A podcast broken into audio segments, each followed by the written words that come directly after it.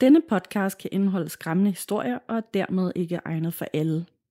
Vi kan godt lide et godt gys, men hvis du nemt bliver påvirket og har svært ved at ryste af dig igen, så skal du overveje en ekstra gang, om denne podcast er noget for dig.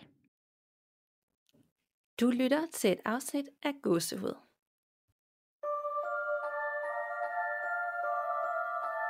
Hej Danika, Hej Nana. og hej til alle, der lytter med. Og velkommen til episode 109. Ja, og det er vores første emneafsnit i evigheder, og så endda faktisk et af vores yndlingsemner, emner, og vi har talt om længe, at vi skulle simpelthen tilbage til det her emne, men det kan være, at du vil fortælle lytterne, hvad det er for et emne. Det kan du tro. Det handler nemlig om øh, hjemsøgte skove, og øh, hvis du gerne vil tilbage og høre, hvad vi ellers har fortalt om fra hjemsøgte skove, så er det episode 19. Og øh, der har jeg faktisk også en lille anbefaling, fordi i den episode, der talte jeg om øh, Højabacciu-skoven, der ligger i Transylvanien, i, som er et område i Rumænien. Og øh, så sad jeg en dag tilfældigvis og så øh, 0 stjerner med Jan Elhøj og Morgen Kirchhoff. Og så var de i Transylvanien, og så ville de besøge Europas mest eftersøgte skov, og tog simpelthen ud i Højabacciu-skoven og overnattede der. Og hvis man vil se, hvordan det gik, så kan man finde det på DRTV, og det er sæson 3 og episode 3. Ej, hvor spændende. Skete der så noget? Mm, vil jeg afsløre det? Nej, det vil du ikke, fordi at vi, vi skal se det i stedet for. Men nu bliver jeg bare sådan lidt, det vidste jeg slet ikke, de har været. Nej, du jeg blev også helt overrasket. Sådan, gud, nå, ej, fedt. Ej. Og nu vi taler episodenummer, for det er 109, så kan det være, at vi lige skal indskyde til dem af jer, der leder efter de gamle afsnit. De første afsnit, det er nemlig sådan, at hver gang vi udgiver et afsnit lige nu, så forsvinder det for 100 afsnit siden af en eller anden grund. Ja. Så det vil sige, at de første 8-9 afsnit lige nu, de er ikke tilgængelige på Spotify eller iTunes, eller i hvert fald meget få steder. Og det er simpelthen, fordi der er sat en eller anden default til i det system, vi udgiver ved, at man kan ikke udgive mere end 100 afsnit. Men det er ved at blive løst, så at de bliver alle sammen tilgængelige igen, og det kan godt være, at de udkommer på ny, som nye afsnit, selvom det ikke er nye afsnit. Men de skal nok komme meget snart. Nemlig, så hvis, øh, og hvis I nye lyttere, der ikke har hørt dem endnu overhovedet, så, øh, så kan I glæde jer til det også. Ja, og jeg kan godt forstå, at det er sådan lidt, hvis man gerne vil starte fra starten, og så mangler der ligesom de første 8-9 afsnit. At det er lidt irriterende at lige pludselig at komme ind et eller andet mærkeligt sted, hvor man ikke helt forstår, hvad det handler om. Ja, og hvem der er, der sidder og taler og sådan noget, ja. Det, må, det er godt, de kommer tilbage snart. Det gør det. Men er der sket noget uhyggeligt hos dig, siden vi talte sammen sidst? Hmm, nej, altså der er ikke sket øh, noget uhyggeligt som sådan. Øhm, jeg har, jeg har drillet min kæreste lidt, fordi han arbejder på øh, den indonesiske ambassade i Hellerup, og øh, jeg tror, jeg har fortalt før, at han har mærket, at der ligesom er spøgelser både der, øh, og så i ambassadørens bolig også, der ligger i Charlottenlund. Øhm, men nu er jeg så begyndt at drille ham, når han er på de her nattevagter og skal sove derude, og han taler om sådan, gud, der var lige en mærkelig lyd og sådan noget, og sådan lidt, nå, men det er nok bare spøgelset, der lige vil gøre opmærksom på, på sig og sådan noget. Og så sender jeg ham sådan nogle klamme billeder af, et spøgelse, der ligger og holder om en i sengen, og alt sådan noget, bare for at irritere ham. Ej, det er næsten synd, men også virkelig sjovt. ja, nemlig, jeg ville simpelthen have det, hvis der var nogen, der gjorde det med mig, men det er virkelig sjovt at gøre. Du skal næsten sende nogle af de der videoer, hvor der, sådan, der står noget med, at man skal holde øje med et eller andet, og så lige pludselig er der noget, der springer frem, så han kan se den, mens han er helt alene derude. Nemlig, det er så ondt. Jeg hader de der videoer selv. Jeg synes, ja. det er så forfærdeligt. Jeg bliver, alt, altså, jeg bliver også meget, meget nemt forskrækket. Og så er jeg simpelthen, altså, jeg har bare smidt min telefon alle mulige steder hen så mange gange, når jeg har set de videoer der. Det gør man bare, og det er som om, man aldrig lærer det, fordi hver gang der så er en ny video og en ny måde at gøre det på, så falder man i med begge ben igen. Lige præcis. Det er så irriterende. Ej, Nå, jeg håber lige, du har haft besøg af dit, øh, dit svølse igen, der kaster med bolde. Nej, desværre, men altså, der var faktisk en øh, klaverjant, som skrev til os på Instagram, at hun øh, ligesom kunne mærke noget omkring det her spøgelse, at det skulle være en lille pige, der også gerne ville have hjælp til at komme over på den anden side. Øhm, så jeg har prøvet at skrive lidt med hende frem og tilbage på Instagram, fordi hun sagde, at den her besked, pigen havde til mig, var ret personlig. Øhm, men så sendte hun mig to voice notes, og så af en eller anden grund, så kunne jeg ikke høre dem til at starte med, og nu kan jeg kun høre den nummer to, hun sendte, og så jeg kan ikke rigtig høre den med de vigtigste informationer selvfølgelig. Øhm, så det er lidt ligesom om, der er nogen, der også lige driller lidt der. Ej, hvor mærkeligt. Men vi har også haft meget i sidste afsnit. Der er virkelig mange, der har skrevet, at de kunne høre alt muligt øh, mange gange undervejs, og det er måske også, fordi det er så lang tid siden, vi har optaget sammen, og nu er vi ligesom tilbage, og de har sådan siddet hele sommeren og ventet. Nu kan vi endelig øh, give lyd fra os igen. Og så er de Ja. bare klar til at tale med. Så I er meget velkommen til at tale med og lave mærkelige lyde, sådan at vi og alle lytter noget kan, kan bemærke det. Ja, ja, ja, ja. Bare I ikke ødelægger noget, og bare I ikke sådan forstyrrer alt for, mo- for, for meget, og sådan ødelægger lyden for os. Ja, eller gøre et eller andet med optagelserne i det her nye program, vi optager i. Gud forbyde, at vi så, at det hele var tabt eller et eller andet. Det kan jeg slet ikke overskue. Nej, det kan jeg heller ikke. Huha. Nej. Hvad med dig? Øh, jeg tror simpelthen, jeg er for distræt til at opfatte, hvad der sker øh, af mærkelige ting. Men det, Ja. jeg, ser, jeg får det mere sådan små tegn og sådan lidt, lidt, mere, lidt mere, alligevel lidt, lidt mere mærke til de små ting i livet. Sådan, begynder at se symboler i alt, og det er måske meget naturligt, når man sådan søger et eller andet mening øh, med nogle ting. Øh, så det er mere på den måde, så jeg er heldigvis ikke øh, sådan bange for tiden. Godt. Øh, det skal nok komme, når det bliver mørkt igen, og, og alt bare, ja. Så er man bare lidt mere skræmt, når vi går snart ind i oktober og Halloween, så skal det nok komme igen. Men lige nu, der nyder jeg faktisk også bare, at det er lyst, når vi optager. Vi har ikke de der Ja. stormende dage, vi har ikke alle... Jeg synes også, det var lidt, øh, der var mange ting, både sidste år og også hen over foråret, vi begge to oplevede. Så det er faktisk fint nok med en periode, hvor det er sådan lidt mere. Det kan være, at de også ved, hende her, hun har ikke brug for, at vi laver et kæmpe stort nummer ud af alle mulige ting. Så nu, nu skruer vi lige ned, til hun er klar igen. Ja, det kan sagtens være. Det, det kunne være jeg. meget fint egentlig også. En meget fin tanke, at sådan, okay, nu prøver vi ikke lige at få al opmærksomheden der. Ja, de, sådan, de tager hensyn, det kan jeg godt lide. Sådan, det arbejder jeg rigtig godt med.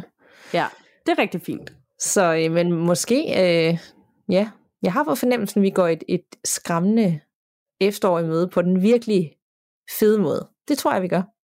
Det tror jeg også. Og jeg tror også faktisk, at september bliver sådan rimelig varm.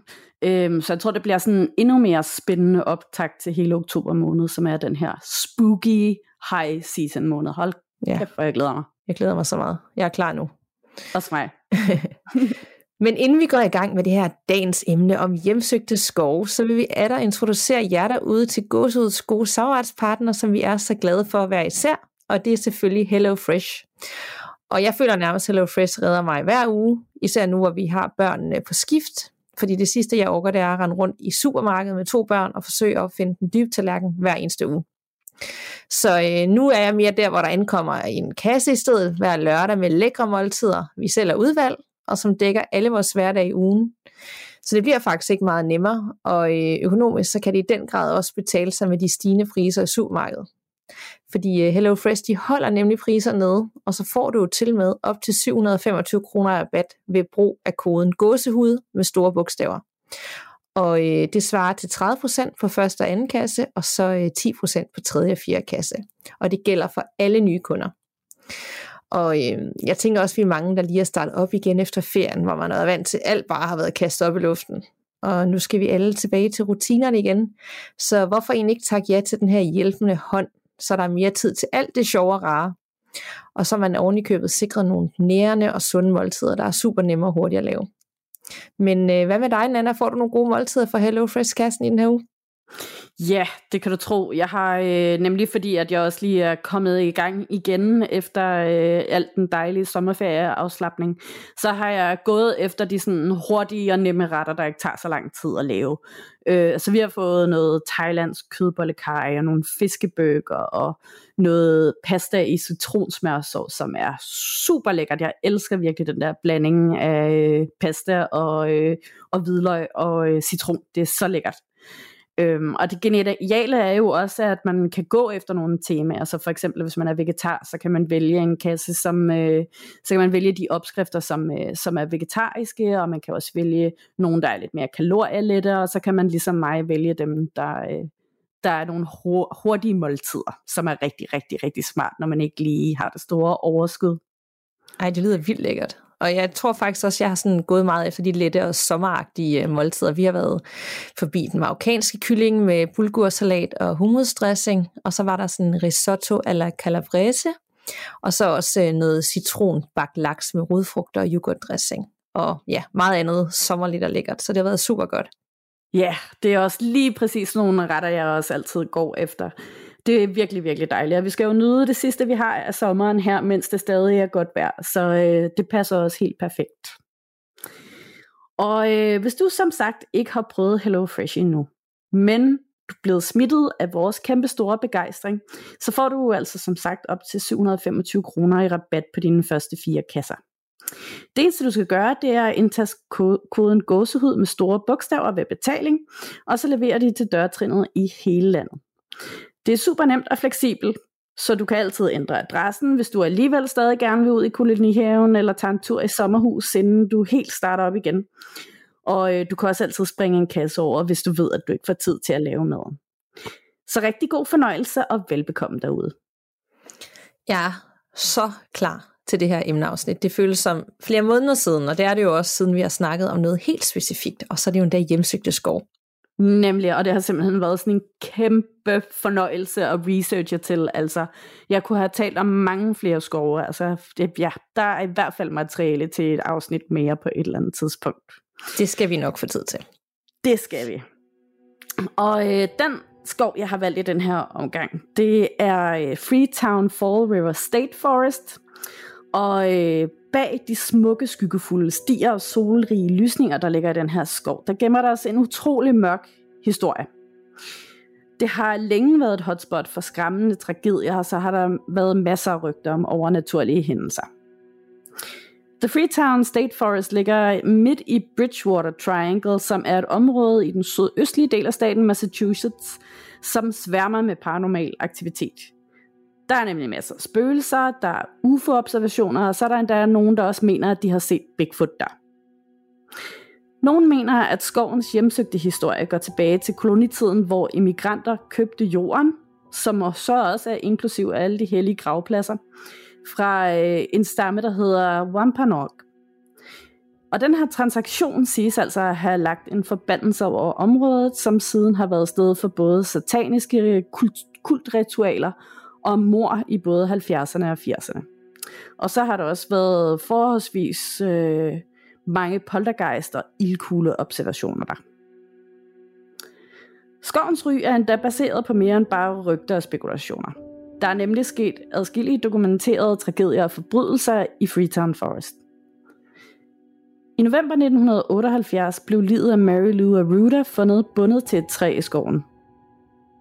Hun var en lokal 15-årig pige, der for nylig var blevet bortført fra den, bortført fra den nærliggende by Rainham omkring to måneder tidligere. James M. Cater blev anklaget for kidnapningen og drabet på Ruta, og senere blev han også dømt for begge dele. Det er dog ikke den mest uhyggelige historie om den her skov. I 1980 efterforskede politiet et mor nær skoven, de blev så kontaktet af en række af de lokale, som hævdede at have været vidne til satanisk kultaktivitet inde i skoven. Nogle mente, at de her anmeldelser var forbundet med de såkaldte Fall River Cult Killings, der fandt sted i samme periode, som i øvrigt også er et virkelig, virkelig øh, skræmmende og spændende emne at researche på, hvis man også er interesseret i den slags true crime. Man fandt også mistænkelige menneskeskabte lysninger i skoven, som var indsmurt i dyreblod, og øh, senere så fandt man også øh, kadaver af kvæg inde i skoven, som var arrangeret på en uhyggelig vis, og øh, det gav kun mere liv til de her rygter om rituelle ofringer inde i skoven. Der fandt også yderligere tre mor sted i skoven. I 1987 var der en hjemløs mand, der på en eller anden måde blev forvekslet med en undercover politibetjent – og blev dræbt inde i skoven. Og i 2001 blev to mænd fundet gennemhullet af skud på Bell Rock Road, som snor sig igennem skoven. Der er også blevet rapporteret om adskillige overfald langs skovens omkreds og langs den skyggefulde stier.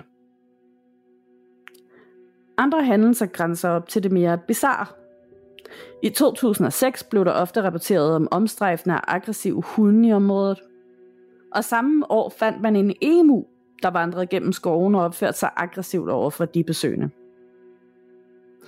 Så sent som i maj 2016 blev der fundet liner strakt ud mellem mange af de hyppigt befærdede stier gennem skoven, altså sat mellem træerne. De havde et meget uhyggeligt formål, som nemlig var at ramme for eksempel folk på motorcykler eller på cykler, BMX'er, mountainbikes, whatever, øh, på halsen, og så på den måde måske halshugge dem eller i hvert fald påføre enormt stor skade på øh, menneskers helse. Der findes også mange beretninger om overnaturlige hændelser i skoven her. Og øh, der har angiveligt været observeret blodige offringer, og så har der været UFO'er, spøgelser, sorte helikopter, som øh, er sådan en, et, en genstand i en konspirationsteori, der er om hemmelige militære aktioner, som øh, den almindelige befolkning ikke må vide noget om. Så er der også mange, der har set mystiske lyskugler. Der er folk, der er forsvundet sporløst på mystisk vis. Og så er der nogen, der har set gigantiske slanger og masser af poltergeist-aktivitet. Og så er der endda også mange rygter om, at folk er blevet bortført derinde, når de har været inde og gå tur. Den tidligere præsident Ronald Reagan har endda selv fortalt, at han har været inde i skoven, og der så han mærkeligt lys på himlen derinde frem. Ved Profile Rock inde i skoven, der støtte spøgelsesjæger på nogle uventede EVP-optagelser. You will serve Satan, sagde en. Altså, du vil tjene Satan. Og navne Doreen og Carl Drew dukkede også op på optagelserne. EVP'erne her kan være relateret til sataniske kultmord, der skete i Westport og Fall River i slutningen af 70'erne og i begyndelsen af 80'erne. Doreen Levesque var et moroffer, og Carl Drew blev fundet skyldig i mordet på øh, Karen Marston, en Fall River prostitueret, som også var forbundet med kulten. Der er mange, der er overbevist om, at skoven afgiver mørke kræfter, der kan drive folk selv til selvmord. Mens andre fortæller, at, og nu skal jeg lige hænge på her, øh, Puck, Puckwudgies, Pugwudgies.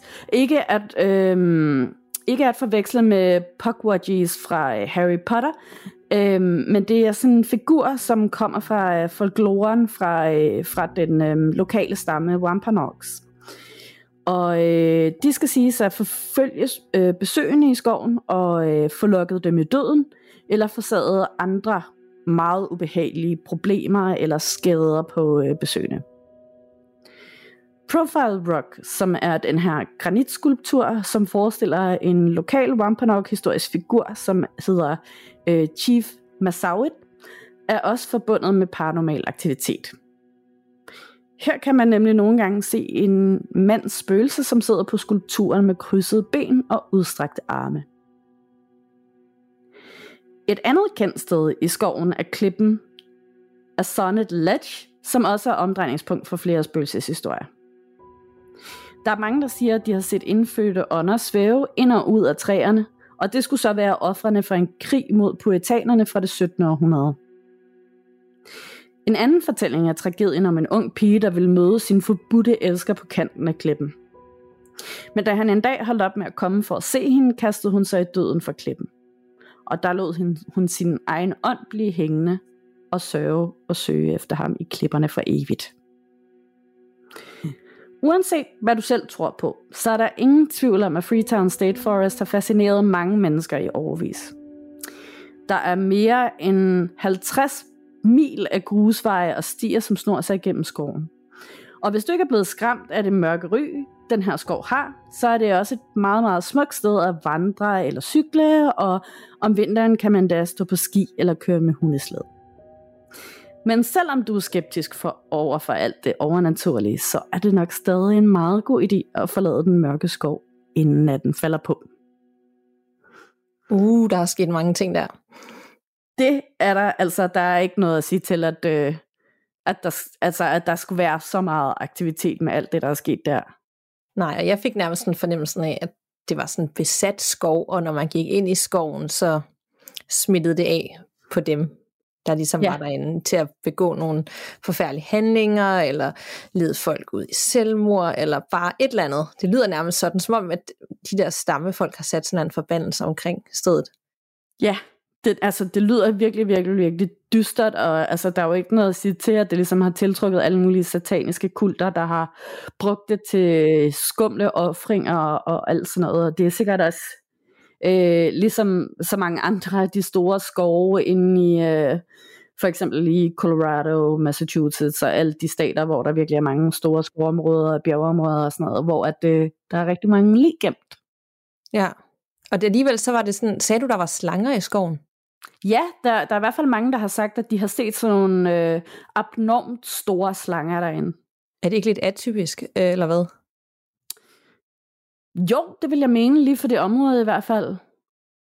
Men jeg tænkte bare lige på det, fordi den skov, jeg skal tale om, der er også slanger. Det kan måske måske mening, hvor det ligger, men jeg så bare tænkt på, om der var sådan en, om det var bundet op på et eller andet overnaturligt også, at det tiltrækker alt muligt andet, end der burde være der.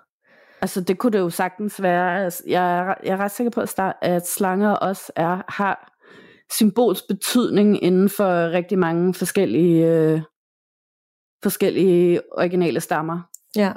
fra Amerika.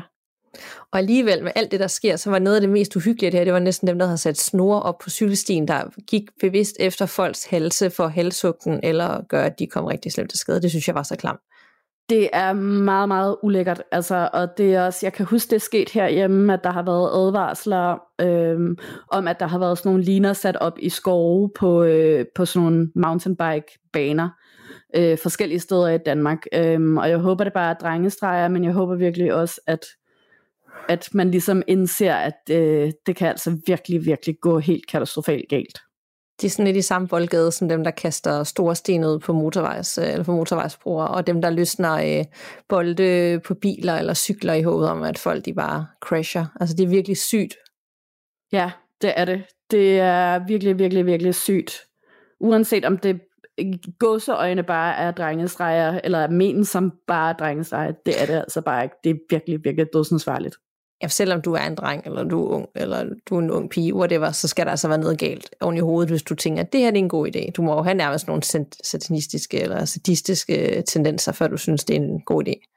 Ja, det er det. Også, også dem, der, øh, det synes jeg også, man har hørt rigtig meget om efterhånden, dem, der lægger øh, frikadeller rundt omkring, øh, der hvor folk lufter sine hunde, som enten er fyldt med rottegift, eller også er der barberblade i, eller et eller andet, så hundene kommer til skade, eller i værste tilfælde dør.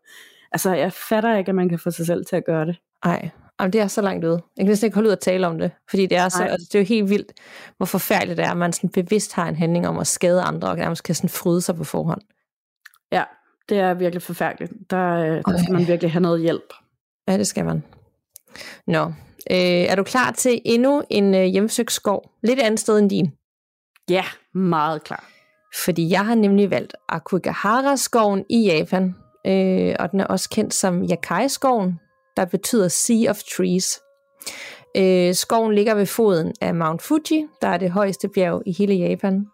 Så på mange måder er det et vildt og et øde område, som alligevel tiltrækker mange mennesker hvert år. Og øh, hvis du nu sidder og tænker, hvordan ser den her skov ud? Så forestil dig en skov fra et uhyggeligt gotisk eventyr med snodede træer og mos hængende fra den, og gabende huller overalt, og hvor lyset nærmest ikke når skovbunden, med nedfaldende grene, klatreplanter, spindelvæv og nærmest usynlige stier. For ikke at tale om stillheden, der er alt overskyggende. Og selv et kompas vil ikke redde dig, hvis du nu skulle øh, forvilde dig ind, fordi skoven har nemlig en øh, magnetisk kraft, der får pilen til at danse løs, og hvis nu du har en GPS på dig og tilkalder hjælp, så kan du ikke engang være sikker på, at myndighederne vil finde dig, netop fordi de alle er så bange for dødens skov. Skoven er cirka 1200 år gammel og fyldt med vilde ræve, hunde og slanger, som vi har talt om før. Derudover så er det en nationalpark, grundet det ligger lige op til bjerget, så det betyder selvfølgelig også, at det er en meget populær turistattraktion. Men Skoven er da også kendt som andet end et populært turistmål. Nogle kender den nemlig også som selvmordsskoven. Og jeg tror endda, at vi har nævnt den flere gange her i gåsehud, enten af os eller vores mange lyttere. Men af en eller anden grund, så er vi aldrig helt dykket ned i historierne og myterne, og ikke mindst de mange creepy beretninger derfra. Oprindeligt så var øh, skoven forbundet med japansk mytologi, og den blev betragtet som et levested for dæmoner og spøgelser og det har det faktisk været kendt som helt tilbage siden middelalderen. Og i den 19. århundrede, der begyndte de fattige japanske familier at efterlade deres ældre familiemedlemmer i skoven, når de ikke længere havde råd til at tage sig af. Så de efterlod dem simpelthen helt bevidst til den visse død. Og det er også en af grundene til, at japanerne de tror, at underånder og overnaturlige kræfter bor i skoven. Netop fordi så mange skæbner har endt deres liv netop her igennem flere hundrede år. Dertil så har flere end 500 mennesker siden 1950 begået selvmord netop her. Og alene i 2002, der blev der fundet 78 lig. og det menes, at de især stak af efter Saicho Makomoto udgav sin roman ved navn The Black Sea of Trees, hvor to af karaktererne i bogen begik selvmord i skoven. Faktisk så er det det andet mest populære sted for de mennesker, der ønsker at tage livet sig selv, kun overgået af Golden Gate Bridge. Der er til med skrevet en øh, berygtet japansk bestseller ved navn The Complete Manual of Suicide, hvor i forfatteren beskrev Aigugahara som et vidunderligt sted at dø. Og det gør det kun endnu mere uhyggeligt, at man i Japan mener, at personer, der begår selvmord, ikke vil forlade jorden, som vi kender den, men vil forblive her og for evigt hævne sig på de levende for de lidelser, de gennemgik. Men hvad sker der så med de her mange lig, som er i skoven? Faktisk så er det de tre landsbyer, der grænser op til skoven, der har det lovmæssige ansvar for de mange uidentificerede lig. Desværre så er det bare sådan, at ligene ligger rigtig længe i Aigogahara, før de bliver opdaget, hvilket kun gør det rigtig svært at øh, identificere den. Og det er også ekstremt dyrt. Omkostninger løber op i næsten 5 millioner yen hvert eneste år, og ligene skal desuden afleveres fra skoven til den lokale skovafdeling, hvor der er afsat et decideret værelse til opbevaring af livet. Og i det her værelse der er der to senge, en til livet og en til skovarbejderen, der skal sove i nærheden. Og det skyldes, at en for tidlig afdød spøgelse, ifølge japansk overtro, vil hyle hele natten og muligvis forsøge at bortføre livet, da livet er en selvmord, der skal forblive i selskab med andre, der har lidt samme skæbne. Så de her skovfolk, de trækker normalt lod med hinanden om, hvem der skal sove med livet. Super hyggeligt. Og ved indgangen til skoven, så er der en der plakat, hvor der står, dit liv er en uvurderlig gave fra dine forældre. Tænk på dem og på din familie. Du behøver ikke lide alene. Ring til os. Og går du ind i skoven, for eksempel sammen med en turistgruppe, vil du næppe føle noget usædvanligt her. Men så snart du er lidt bag efter de andre i gruppen, så bliver du straks utilpas og kold og bange. Det er sådan almen kendt, når man går ind i den her skov. En slags gennemsigtig skikkelse står bag træstammerne, og et sted bagved bliver du konstant forfulgt af nogens gennemtrængende ånden. Og stillheden, der engang var behagelig efter det støjende byliv, begynder at føles ubehageligt og langsomt driver dig til vanvid. Kun i denne skov kan et skridt til siden være en fatal fejltagelse for dig. Og de restløse sjæle, der vandrer om natten, på japansk også kendt som en yurai, vil aldrig slippe dig ud af deres ihærdige omfavnelse. Og skulle du nu stadigvæk have lyst til at besøge Aigogahara, så skal du have stærke nok naver til at være vidne til et helt behageligt fænomen i form af galger rundt omkring eller menneskeknogler på din vej, for de findes nemlig alle steder i skoven. Så øh, det var lige en, øh, en øh, introduktion til Aikokohara-skoven i Japan, som jeg tænker, du helt vildt har lyst til at besøge nogle andre. Ja, men der er nærmest ikke noget, jeg heller vil. Altså, det er jo... Jeg synes, altså, det er forfærdeligt, det er tragisk, og det er bare møg hammerne uhyggeligt. Øhm, jeg kom i tanke om, at jeg kunne huske, at der var sådan en øh, YouTuber-influencer-type, øhm, som hedder Logan Paul, i, der i 2017 fik jeg lige slået op, øhm, filmet derude fra, øh, og rent faktisk også stødt på en, der havde hængt sig selv i et træ, og det livestreamede han bare og filmede øh, og lagde ud. Ja, han er så siden blevet sagsøgt, fordi at, øh, det, må, det må man jo selvfølgelig ikke, det er krænkelse af privatlivets fred og sådan noget. Øhm, men, men det er jo bare et bevis på, at yep, det, øh, det bliver svært at besøge den skov, uden selv at støde på enten ja, rester eller nogen, der lige... Ja. Ja, netop. Og ja, ja, enten så er der, hænger der lige en galge eller nogle knogler. Men, ja. de, men de er også rigtig, det er en kæmpe skov også, og den er meget sådan svær for den rundt i. Rigtig mange mennesker far vild i den, så de kan virkelig ligge der længe. Øh, de lige, øh, hvor de nærmest bare er knogler tilbage, eller de sådan er helt ugenkendelige. Og hvad jeg også kunne læse mig frem til, så er det faktisk primært mænd, der tager derud, forretningsmænd, som på en eller anden måde er blevet fyret, eller har tabt ansigt på jobbet. Øh, det er i hvert fald primært dem, der bruger den her skov til at ende livet øh, på.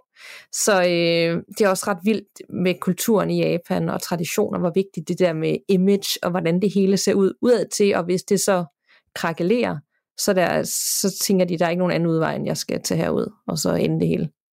Nej, altså det, det er noget med også, at Japan er et af de lande i verden, der har den aller, allerhøjeste selvmordsrate. Mm. Altså sådan absurd meget højere end, end resten af verden. Og at det er virkelig også vildt alligevel med den øhm, mytologi og den tro, de har omkring, hvad der sker, efter man har taget sit eget liv, ikke? Jo. Ja, det, det, det er noget med ære, og at have æren i behold, og over for familien, at det hele sådan spiller, og de kan tage sig af den, kunne jeg forestille mig. Så hvis du lige pludselig ikke kan det længere, så, øh, så føler de deres liv er ødelagt. Det er virkelig forfærdeligt. Det er virkelig, virkelig, virkelig forfærdeligt. Det er sådan en kulturel ting, man bare ville ønske, man kunne øh, ændre på, ikke? Præcis. Og nu sagde du med ham, det der er livestreamet derfra. Jeg ved, der er rigtig mange også YouTube-videoer øh, derfra, bare for at vise øh, skoven, og folk har oplevet noget uhyggeligt, altså ikke hvor at de filmer folk, øh, der er, er døde, men bare sådan stemningsagtigt, og ja, desværre, når man søger bare og researcher det her emne, så kommer der også bare billeder op på Google af, af folk, der har fundet nogen. Altså de ligger frit tilgængelige, det forstår jeg ikke, det er ikke sådan et eller andet langt ude forum, det er bare en helt almindelig Google-søgning, så kommer der alt muligt øh. Lidt ligesom med Mount Everest. Der findes jo også et utalligt billeder af folk, der er stødt forbi, øh, stødt på nogle af de her, der er faldet i døden, eller har ligget der i flere år, bare sådan er is. Det er lidt det samme som det her sted, at det bare vrimler med, med døde mennesker. Det er jo ikke alle, der bliver flyttet eller fundet. Så det er sådan almindeligt kendt, der var nogen rundt omkring. Ja, det, det er virkelig uhyggeligt. Og faktisk også her i løbet af den her sommer, hvor temperaturen har været så vild i hele Europa, at der er rigtig mange af de der høje bjerge, som har været dækket af sne i toppen, hvor sneen så er smeltet, og, øh, og at der så ligesom er dukket en hel masse lig af omkomne øh, bjergbestigere frem der. Ikke? Det er virkelig, virkelig uhyggeligt. I Europa? Ja, også det har jeg ikke engang hørt. i Europa. Ja. ja. Jeg kan ikke huske præcis, hvor det var. Jeg tror, at det var i Italien i hvert fald, at øh, der var nogen, der var dukket frem et eller andet sted. Det er virkelig, virkelig skræmmende.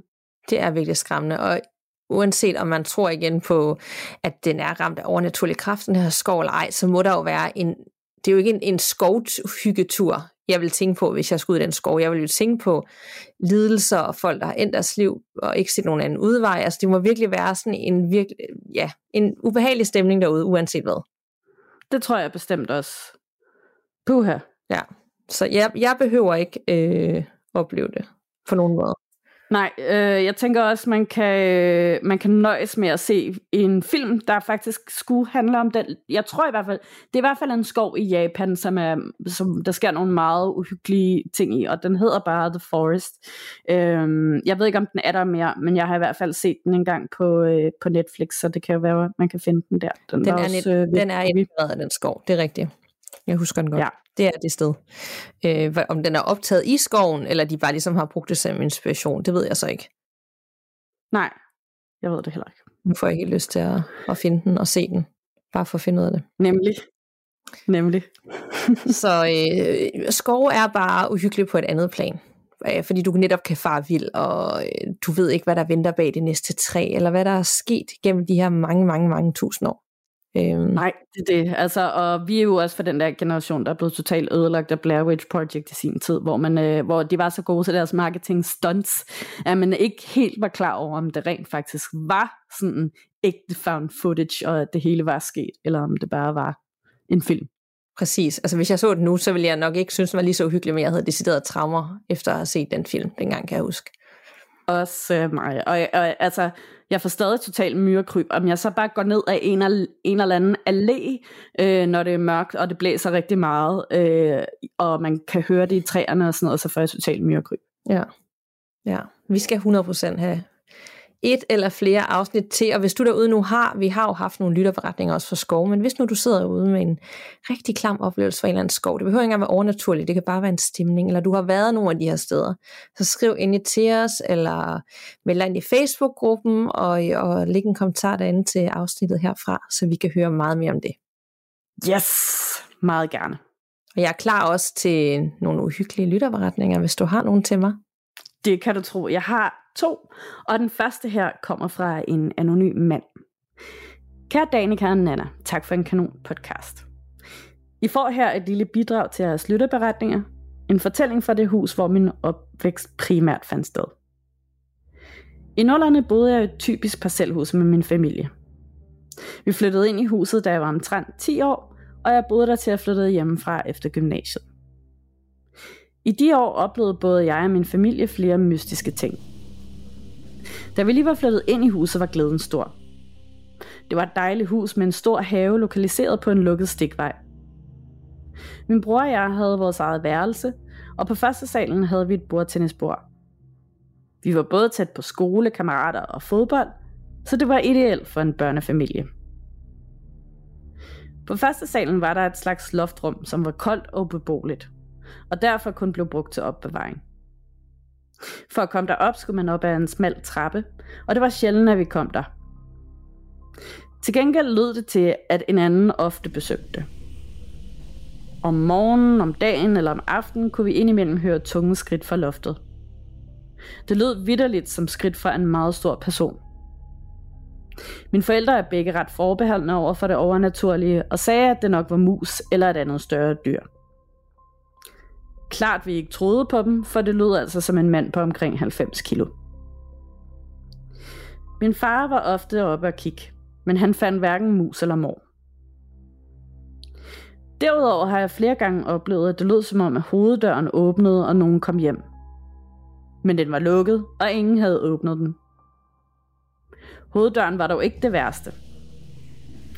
En enkelt nat åbnede en dør inde i huset sig af sig selv, efter den unaturligt svingede langsomt frem og tilbage. I et hus, hvor alle vinduerne var lukkede, vel at mærke. Fjernsynet tændte også af sig selv i ny og næ, og uden for huset var der flere gange lyde fra heste i løb, som en galopbane. Nu vel, lydene fra loftet generede mig ikke det store. Det foregik jo på loftet, og det var altid min far, der gik derop og tjekkede. De andre hændelser var også temmelig sporadiske. Nej, det der generede mig mest var følelsen af den konstante overvågning. Fornemmelsen af ikke at være alene. Det var super uhyggeligt for en ung dreng, der var alene hjemme. Spøgelser eller ej, så er det ubehageligt ikke at vide, om der er nogen i huset med dig. Var jeg alene om aftenen, ville jeg sidde i sofaen i stuen og vente til mine forældre kom hjem. For særligt på mit værelse følte jeg mig overvåget.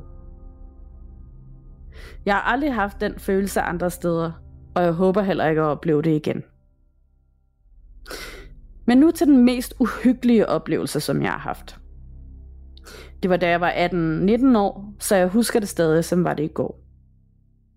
En aften sad jeg på mit værelse, mens min mor sov i soveværelset. Begge værelser er vendt mod gavlene på huset. Pludselig hører jeg tunge skridt, som ellers kun blev hørt fra loftet.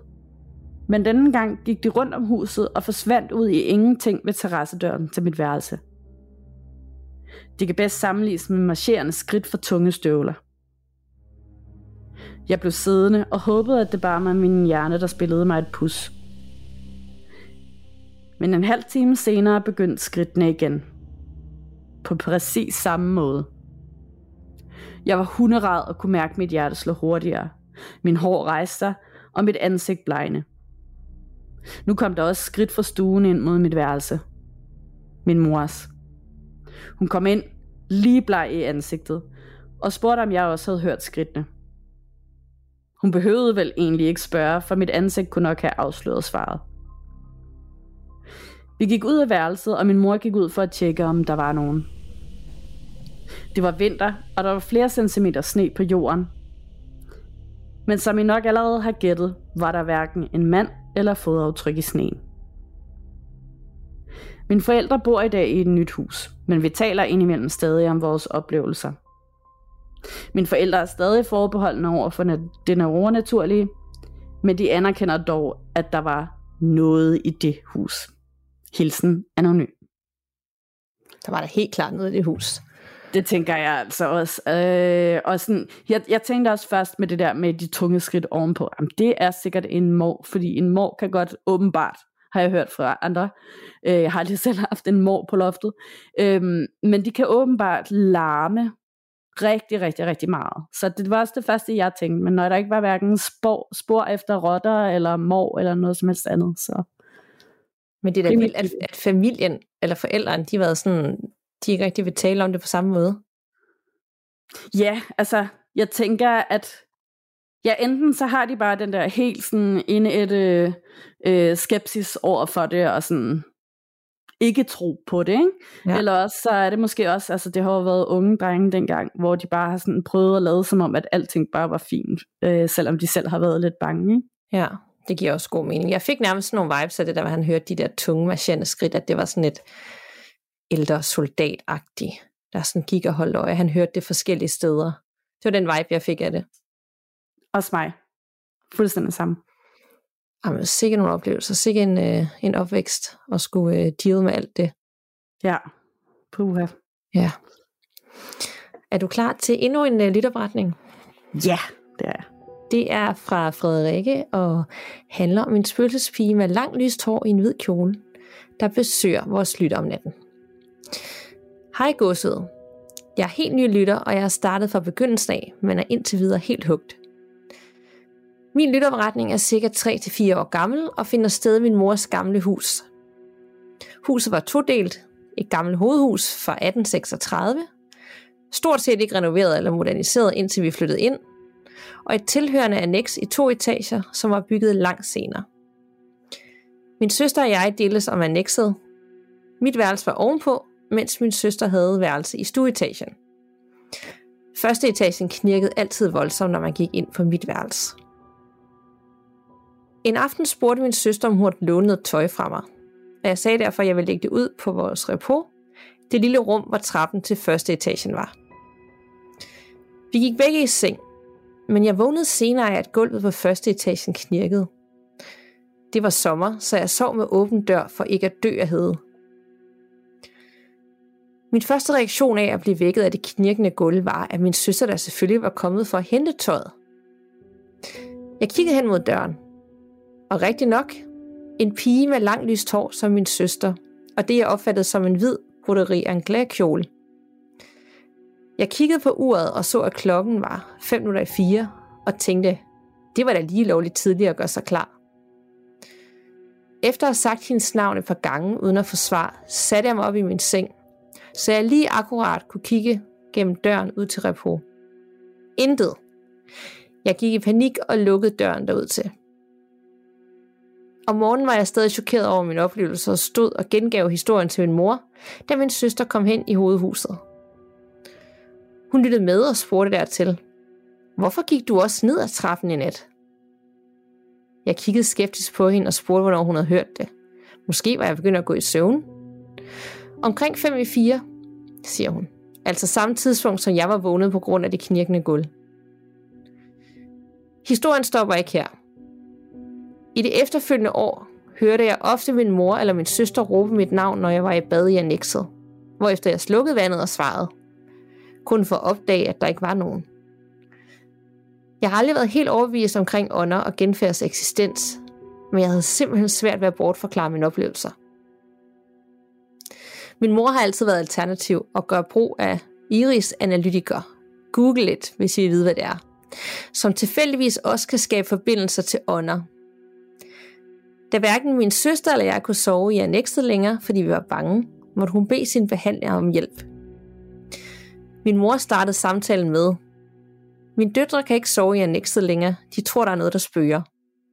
Altså ingen information om oplevelsen. Behandleren udbrød med det samme. Men det er også rigtigt.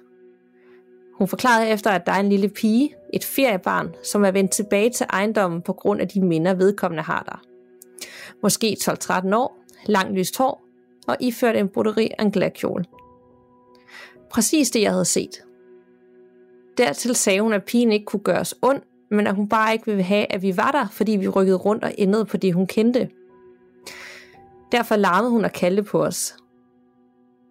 Det betryggede mig slet ikke, da jeg først og fremmest bare var ræd for at blive vækket af hende igen. Fordi min mors behandler vidste, hvad jeg havde set, uden at min mor havde beskrevet det, og jeg er helt overbevist om, at det var det, jeg så, er jeg ikke i tvivl om, at der var noget på min mors ejendom. Fik jeg sagt, at døren til hovedhuset ofte sprang op af sig selv, selvom døren var låst, og det er den type dør, hvor man skal trække godt ned i håndtaget, før den åbner. Vi er heldigvis flyttet væk nu. Med venlig hilsen, Frederikke. Sikkert hus. øh, ja, og jeg har sådan en virkelig underlig oplevelse med det her, fordi at sådan, Jeg, øh, det, ja, jeg opfattede kun sådan en ord engang imellem. Er det rigtigt? Ja, og det var ikke engang fordi, at, at der var noget i vejen med lydoptagelsen eller noget som helst. Nej, men lige for at supplere op der, så bliver jeg også sygt svimmel af at læse den op. Som om den her, de her feriebarn bare vil være med nu. ja, ja. Okay, creepy. Mega creepy, den er creepy. Det der, øh, den der pige, der vendte tilbage, og det er jo et eller andet sted sødt, fordi hun har minder, men omvendt så hun bare ikke have, de laver noget om, og hun bare står der i sin hvide kjole og kigger, og hun tror, det er søsteren. Og jeg har det ja. også mærkeligt nu. Ja, det er virkelig, virkelig, virkelig creepy. Ja. Og så kan du bare vente til den næste, den er faktisk endnu værre. Men øh, vi skal lige have en imellem. Ej, åh oh gud, ja. Ej, hvor træls. Øh, men den, den må jeg jo så sådan få lyttet ordentligt til, når afsnittet udkommer. Så. Ja, så håber jeg så bare, at lytterne, de kan, de kunne, at det gik igennem der, at hun ikke prøvede sådan at forhindre, at, øh, at der blev talt om hende. Måske hun ikke fan af at fordele sin historie ud til alle mulige. Det kan da godt være, når hun heller ikke kan lide, hvis hun heller ikke kan lide, at der bliver lavet om i Nej, huset. Så kan hun slet ikke lide det her koncept med, at vi taler om det. Nej, nej. Okay, vi må hellere hoppe videre til den næste. Og øh, den kommer fra Louise Brix. Hej begge. Jeg er lige begyndt at høre jeres podcast og fik lyst til at dele en af de ting, jeg og min familie oplevede for år tilbage. Jeg har altid været sensitiv i forhold til stemninger og ånder. I mange år har jeg dog lukket ned for det, hvilket for mig har været godt. Især efter denne oplevelse. Da jeg var 16 år, købte mine forældre et lille gult hus på en fin bakke uden for en landsby i det sydlige Sverige. Det var et dødsbo, som de ville sætte i stand, og manden, der havde haft det, hed Polle. Vi fik at vide af folk i landsbyen, at han havde drukket sig ihjel, efter at hans kone og børn havde forladt ham. I starten var der tydelige fysiske tegn på, at han havde boet der. Der var for eksempel en plet ved toilettet fra hans pande, der havde lænet sig op af skråvæggen, når han tissede. Min mor og jeg fulgte altid ad, når vi gik op på første salen, hvor toilettet var. Det var tydeligt, at han stadig var i huset. Og jeg lagde ikke skuld på det over for mine forældre. Men min far grinede og troede ikke på det. Alligevel undrede han sig over, hvorfor alle lamper, han satte i kælderen, gik i stykker. Efterhånden fik mine forældre sat huset i stand. På første salen sov de i det ene rum, og jeg sov i et andet. I hjørnet stod der en stol, og der sad Polle så og glodede på mig hver nat. Jeg sov elendigt, når vi var der. Og en af de gange, hvor jeg lige var faldet i søvn, vågnede jeg, at nogen, Polle, havde sit ansigt helt tæt på og råbte, Hu! En af mine forældres venner sagde, at hun også fornemmede ham. Vi havde fortalt hende, at jeg fornemmede ham, og at vi altid blev småsyge, når vi kom op i huset. Til sidst fik min far nok. Mest på grund af det med lamperne. Han og min mor havde set en tv-udsendelse med en, der gik ud fra en plantegning og kunne se, om der var noget i huset. Min far troede ikke på det, og for at bevise, at det var fup, kontaktede han hende. Og hun bad selvfølgelig om at se plantegningen for vores hus. Hun fortalte meget klart om en gammel fordrukken mand, og hendes beskrivelse passede til den, som folkene i byen havde givet os at Polle. Hun fortalte, at han sov i kælderen og var pissesur, og at mine forældre lavede, og, over at mine forældre lavede om på hans hus. Hun sagde derudover, at Polly ikke havde respekt for kvinder, hvilket min mor, som er gammel rødstrømpe, blev meget vred over. Ud med ham. Damen bad dem tage det op. Min mor skulle blive ude i bilen, men min far skulle så gå ind og åbne alle vinduer og sætte sterinlys og salvie i alle de åbne vinduer. Derefter skulle de sidde i bilen i 30 minutter. De måtte ikke køre, for han kunne godt finde på at brænde huset ned. Imens de sad og ventede, bredte der sig en røg rundt om bilen. Da den forsvandt, gik de ind i huset. Der gjorde de, som de plejede ved ankomst. Min far ordnede varmen, og min mor lavede mad. Jeg kan huske, at min mor og jeg talte i telefon, da der pludselig lød nogle meget høje bank på faldstammen. Min mor råbte til min far, som så råbte, at Polle skulle stoppe. Der havde han fået besked om af damen, og det stoppede også. Hele resten af aftenen legede Polle med lyset, og slukkede det, der var ude på verandaen. Men så råbte min far af ham, og lyset tændte igen. Sådan gik hele aftenen, men sidenhen var der intet i huset, og lamperne virkede i kælderen igen. Min far troede fuldt og fast på det derefter. Og da han desværre døde ni år senere, var det tydeligt, at han nu selv passede på huset og på os. Min mor har siden solgt det lille gule hus i Sverige. Men min gæt er, at min far stadig passer på det og holder Polle på afstand.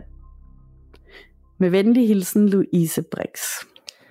Slap lige af, Polle. Det var det første, jeg tænkte. Ja, nemlig. Totalt for meget. Ja, altså jeg kan, altså, øh, jeg har det, det sker jo så tit det der, og jeg har det sådan lidt med det, at et eller andet sted kan jeg jo nok godt forstå, at de bliver sådan vrede over, at man laver om på det, de har elsket, og den måde, de gerne har ville have det på, og sådan noget, og det er pisseirriterende, at der kommer nogen og laver om på det. Men så må du komme videre, altså, det er ikke dit mere. Nej. Jeg, altså, ej. Jeg synes også, at hele den der med, at de skulle sådan, øh, tænde sterinløs og salvie, og de skulle sætte sig i bilen, og de skulle blive der, for han kunne godt finde på at brænde huset ned. Ja. Altså, det var, det var da vildt. Altså, det, det synes jeg var lidt voldsomt. Det skulle ja, han bare være opmærksom på. Og så kom der røg rundt omkring bilen. Mega. Det er taget lige ud af en eller anden øh, eksorcistfilm. Jamen, det er det fuldstændig. Også jeg, at sådan, jeg havde da et eller andet indtryk af, at øh, når man øh, øh, puttede salvie og sterinlys og sådan noget i vinduerne, og ellers luftede ud, så var det for at få dem ud. Så det, at han rent faktisk også i helt stedighed bliver og øh, banker på faldstammen og leger med lyset og sådan noget resten af aftenen, det er godt nok også lige... Ja. Det kan være, at den klaverjant har vidst, at han havde så meget ja. magt, eller som, ja, kontrol, eller et eller andet bare var så meget til stede, at han frit kunne vælge, hvad han ville gøre ved huset, ved, om han ville blive, hvor længe han ville blive der, inden han, han skulle væk. Det kan sagtens være, ja. Nogle altså, gange så er det jo bare hårde. Ja, han lød jo så heller ikke som en super rar mand, han var levende i forhold til, at han, de ting, den måde han levede på, og han ikke kunne lide kvinder, og du ved, manglende respekt, så måske var han bare ikke et super behageligt menneske. Nogensinde. Det, det kunne meget vel være, ja. Ja, hold nu op. Sikke en. Er du klar til den sidste? Den er ikke så lang, men den er også uhyggelig. Og et eller andet måde, så alle vores forretninger, det handler om noget, når man skal sove. Så kommer det mm. rigtig frem. Yes, jeg er klar. Yes, og det er fra Anonym om endnu en spøgelsespige, der kun kigger frem om natten. Hej godset. Tak for en virkelig god podcast, hvor I har skabt et trygrum til at dele uhyggelige oplevelser. Jeg vil dog gerne være anonym. Jeg har flere oplevelser, men her får I den mest skræmmende af den. Gennem min barndom har jeg oplevet mange lyde og set ting hister her. Men jeg har aldrig troet rigtigt på dem, der siger, at de har set spøgelser. Men en oplevelse har virkelig sat sig. For nogle år siden var jeg på ferie i udlandet med en veninde og hendes familie i et stort hus med mange værelser. En nat vågner jeg ved et sæt. Først ved jeg ikke, hvorfor jeg vågner, men jeg sætter mig lidt op og drikker noget vand og tjekker min telefon. Klokken var omkring 3-4 stykker. Så kigger jeg op, og for fodenden står der en kvinde i en hvid natkjole med langt, mørkt bølget hår, og vipper lidt frem og tilbage med krop og ansigt mod væggen. Jeg får det største chok. Fryser helt, og mit hjerte hamrer afsted. Jeg prøver at bilde mig selv ind, at det var min venindes mor, der går i søvn. I midlertid bliver jeg så bange, at jeg kryber ned under dynen og lukker øjnene, mens jeg ryster over hele kroppen. Der går dog ikke mere end to minutter, før jeg hører og mærker noget krasse på lanet i fodenden. Nu tør jeg ikke længere bare gemme mig og lade som ingenting. Så uden at åbne øjnene, rusker jeg min veninde op og beder hende panisk tænde lyset og spørger hende, om hun også kan se hende. Søvndrukken tænder min veninde for lyset, man kan ikke se noget. Jeg kigger forsigtigt op, men der er ingenting. Jeg havde svært ved at falde til ro igen, så jeg satte noget stille musik i ørerne, så jeg måske kunne flytte mine tanker – et par timer senere står solen op, og jeg er bare let over, at nattens rædelse er overstået. Min veninde og jeg fortæller det ikke til de andre. Midt i morgenmaden siger hendes mor til faren, om han også hørt det der i nat. Fordi hendes lillebror var vågnet ved en to-tiden af noget larm. Altså før jeg vågnede, og var blevet bange. Det freakede os ret meget ud, at han også har oplevet et eller andet den nat. Vi fortalte derefter, hvad jeg havde oplevet, de næste mange nætter havde jeg dog svært ved at falde i søvn, og når jeg endelig var faldet til ro, vågnede jeg igen hver nat, men jeg turde simpelthen ikke åbne øjnene i frygt for at opleve det samme igen. Til den dag i dag er jeg overbevist om, at det var et spøgelse, jeg så. Jeg er sikker på, at jeg var vågen. Vi havde ikke drukket alkohol, taget medicin eller havde det varmt. Og oplevelsen sidder stadig dybt i mig, og jeg frygter stadig for at opleve det samme igen. Det var simpelthen det mest frygtindgydende, jeg nogensinde har gennemlevet. Min andre oplevelse blev en anden dag. Nu vil jeg sætte noget komedie på og fortrænge oplevelsen for nu. Med venlig hilsen, den anonyme. Øh, ja, det tænker jeg også. Når de er så mange, der ligesom har oplevet det samme, sådan uafhængigt af hinanden, at brugeren for eksempel også øh, har fortalt, at han er vågnet ved noget alarm og sådan noget, så har der jo været noget. Jamen også fordi hun har jo set den her spøgelsespige. Jeg vil så sige, det, jeg tror faktisk det er værre, at de andre har jo ligesom kigget på den. Jeg tror faktisk, det værre, hvis der var en, der stod med ryggen til mig, med sådan noget langt hår og en hvid kjole, og vippede, og bare kiggede ind i væggen. Ja, det er ret ulækkert.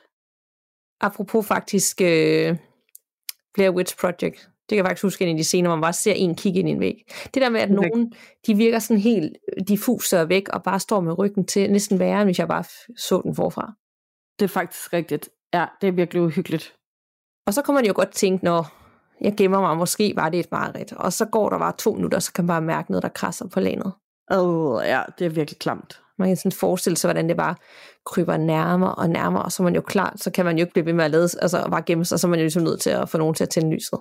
Nej, nemlig. Altså, det er ligesom i den der, øh, den amerikanske udgave af The Grudge, hvor at spøgelset sådan ligesom kravler op gennem dynen der. Nej, nej. Ja. ja.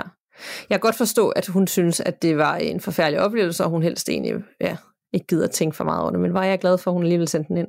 Og var jeg glad for, at det ikke er i Danmark et eller andet sted. Jeg ved ikke lige, ja. hvor den, den ferie var, men fordi så, så er der ikke så stor chance for, at man lige kommer til at skulle overnat der.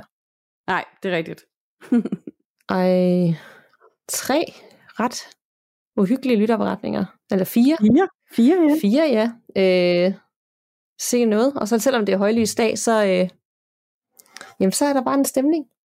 Ja, det må man sige. Især med din første historie, som, øh, som jeg af en eller anden grund bare sådan zoomede ind og ud af. Ja, det er spændende, om andre kan høre noget undervejs. Jeg håber næsten, at der er et eller andet, der har meldt sig ind øh, på dagens afsnit, men omvendt så, øh, så skal det også lade os være i fred, når vi er færdige med at optage lige om lidt. Ja, tak. Og øh, hvis I hører noget et eller andet sted, så må I meget gerne skrive det til os, enten på Instagram, eller sende det på mail, eller ind i Facebook-gruppen. Og så også meget gerne øh, tidspunktet, så tæt som overhovedet muligt på der, hvor I hører det. Ja, og det er faktisk rigtig fedt, hvis man gør det inde i Facebook-gruppen, fordi som regel så er der andre, der kan se det. Gud ja, det hørte jeg også. Eller så går de tilbage og tjekker det samme sted for at høre, se, om de også kan høre det. Øh, så det er faktisk meget fedt, man gør det i plenum. Det er rigtigt, det er rigtigt. Det er så fedt. Jeg mener faktisk også, at der var en, der lavede sådan, at prøvede at starte sådan en tråd, sådan, hvor hører I noget. Så det kan være, at vi lige skal pinde den til toppen, og, øh, og så, kan, så kan folk skrive videre i den tråd. Ja, det var den tråd med, om der er nogen, der har hørt deres eget navn blive sagt, hvilket er super. Det kan jeg godt huske, hvilket det er jo bare ubehageligt. Okay, det er creepy, ja. Som om der er nogen, der prøver at komme i kontakt igennem gåsehud uh. til den. Ja, Høj. Ja, så øh, og det er også en virkelig god anledning til at bare blive medlem af den Facebook-gruppe, hvis du ikke allerede er det, fordi ja, man kan bruge timer derinde på at stige uhyggelige billeder og gode uhyggelige filmtips og videoer, der skræmmer dig, og ja, alt mellem himmel og jord, personlige beretninger. Det er hyggeligt uhyggeligt, Dan. Nemlig, det er simpelthen så super fedt. Der er masser af underholdning, og der er masser af støtte fra andre ligesindede også. Ja, der er ingen, der dømmer nogen derinde. Der er rigtig god stemning. Og vi, vi er jo også på Instagram under Gåsud Podcast, og så vil vi elske, at hvis du vil smide en bunke stjerner afsted, hvor end du lytter om det Spotify, Podimo, øh, iTunes-appen, og måske en anmeldelse, hvis du har overskud af tid. Det betyder alverden for os at komme endnu længere ud, og vi vil, det, vi vil så gerne ud til flere, for jo flere vi når ud til, jo flere beretninger, jo flere et større community omkring det her, og det er der jo virkelig brug for øh, i de her tider. Det er jo det, og jo flere lytteberetninger vi får, så er der måske også en chance for, at vi på et tidspunkt kan komme til at udgive en gang om ugen. Ja, det er jo lidt drømmen. Det håber vi en dag. Yes. Men skal vi øh, slutte af med et tip? Ja, tip. Nemlig, jeg har øh, en film med øh, fra øh, 2009, som hedder Orphan, og lige nu der kan man finde den på Viaplay. Den handler om øh, en familie, hvor er moren, hun, jeg kan ikke huske, om hun er ude for en ulykke, men i hvert fald så mister hun et barn, øh, som hun er gravid med. Og øh, de sørger over det, den her familie, som i forvejen har en datter og en søn, og beslutter sig så for at opdater, øh, adoptere en lille russisk pige, som de finder på et børnehjem. Men den her lille russiske pige, hun begynder bare at skabe splid i familien, selvom hun er meget, meget høflig og meget øh, fin og sød, men hun har også en meget sådan, nogle mystiske talenter, en mystisk opførsel og en mystisk måde at klæde sig selv på. Og det viser sig også, at hun gemmer på en meget dyster hemmelighed. Den er virkelig, virkelig god. Det er den, og den er jo baseret på virkelige hændelser. Det er jo det værste af det hele. What? Det vidste du ikke det? Nå. Oh jeg tror lige, du skal søge på. Jo, jo, det er sket rigtig nok i USA. Øh, der er der mange sådan artikler om, at det er rigtig nok. Nu kan jeg ikke afsløre handling. Jo, jo, for det gå ind og søge for det bagefter. Det er ikke for sjov. Så øh, nu Ej, kan jeg ikke lige helt huske, om, om, om filmen har et overnaturligt twist i filmen. Men i virkeligheden, så er det i hvert fald noget, der er sket. Ja. Ad, hvor ulækkert. Ja, så det gør filmen meget værre, når man ser den velvidende. Der er jo også billeder af det der rigtigt. Jeg kan huske, at jeg har set billeder af den her lille pige i virkeligheden. Øh, det skal jeg så meget ind og nørde nu. så ved du, at du skal bruge resten af dagen på at bare forsvinde ned i sådan et sort hul af det der. Men det er rigtigt nok. Ad, ja, ad, ad, ad. Det er nemlig rigtigt ad. Det gør det tusind gange værre. Så når I skal se den, så husk lige at søge på det inden, så I tænker, gud. Ja. Eller så se den først, få hele handlingen, og så bagefter gå i dybden med det. det kan og så blive sådan mega overrasket og forskrækket og creeped out, ligesom mig lige nu. ja. Det er det. Det gør det meget værre. Ja. Ej, jeg tænker, at nu mit gåsehudstip kommer der helt til at blinde siden af den her film, som by the way er rigtig, rigtig god og hyggelig. Øh, men det er faktisk øh, en ny podcast, jeg blev tippet op nede ved min negledame, fordi jeg elsker jo overnaturlige øh, af slagsen, og den, det er en engelsk en, der hedder Real Life Ghost Stories. Jeg, uh. håber, jeg håber ikke, vi har anbefalet den før, men ellers så bliver jeg lige over med mig. Der er 168 afsnit fyldt med creepy lytterberetninger, og jeg elsker så meget, når man ikke har to eller fem, fordi hvis man kan lide noget, så er det bare det fedeste i verden, og det føles uendeligt. Så Real Life Ghost Stories, hvor inden du lytter til podcast. Gå i gang med den, den kan anbefales. Ej, fantastisk. Det, øh, jeg har også lige manglet en ny podcast at gå i gang med, så det er virkelig, virkelig dejligt. Skønt. Yes. Sikke en omgang. Så kom vi hele vejen rundt. Og som altid også, hvis I har idéer til emner, eller ting, I synes kunne være fede, vi tog op, eller fysiske ting, vi skulle lave, hvor I kunne komme med, så skriv det ind til os. Altså, vi er åbne over for det meste. Nemlig, og jeg, øh, I er rigtig søde til os at skrive til os på Instagram, men hvis det er lytterberetninger eller noget, der er sådan rigtig vigtigt, så øh, vil det være super fedt, hvis I ville sende det på e-mail til os på gåsehudpodcast og det er gåsehud med to A'er det er en rigtig god reminder, fordi det er faktisk ikke altid, vi lige får læst de der, og der kommer også nogle gange til ens private Facebook, og det er som om, det lever sit eget liv, når man ikke er venner med nogen, der skriver, så ser man det ikke altid. De eksisterer sådan i et andet univers, de beskeder. Ja, lige præcis. Og på Instagram kan man heller ikke dele tingene ind i mapper, eller sætte stjerne ved, at man skal huske at svare, eller et eller andet. Altså, ja. Så det er meget bedre at skrive på mail. Ja, så er der også meget større chance for, at vi ser det. Nemlig. Men tusind tak for snakken, Anna. Hvor er det skønt, vi er tilbage ved, ved emneafsnit igen. Det er så dejligt, i lige måde. Vi lyttes ved, og pas på derude. Man ved jo aldrig, hvad der venter bag den næste dør.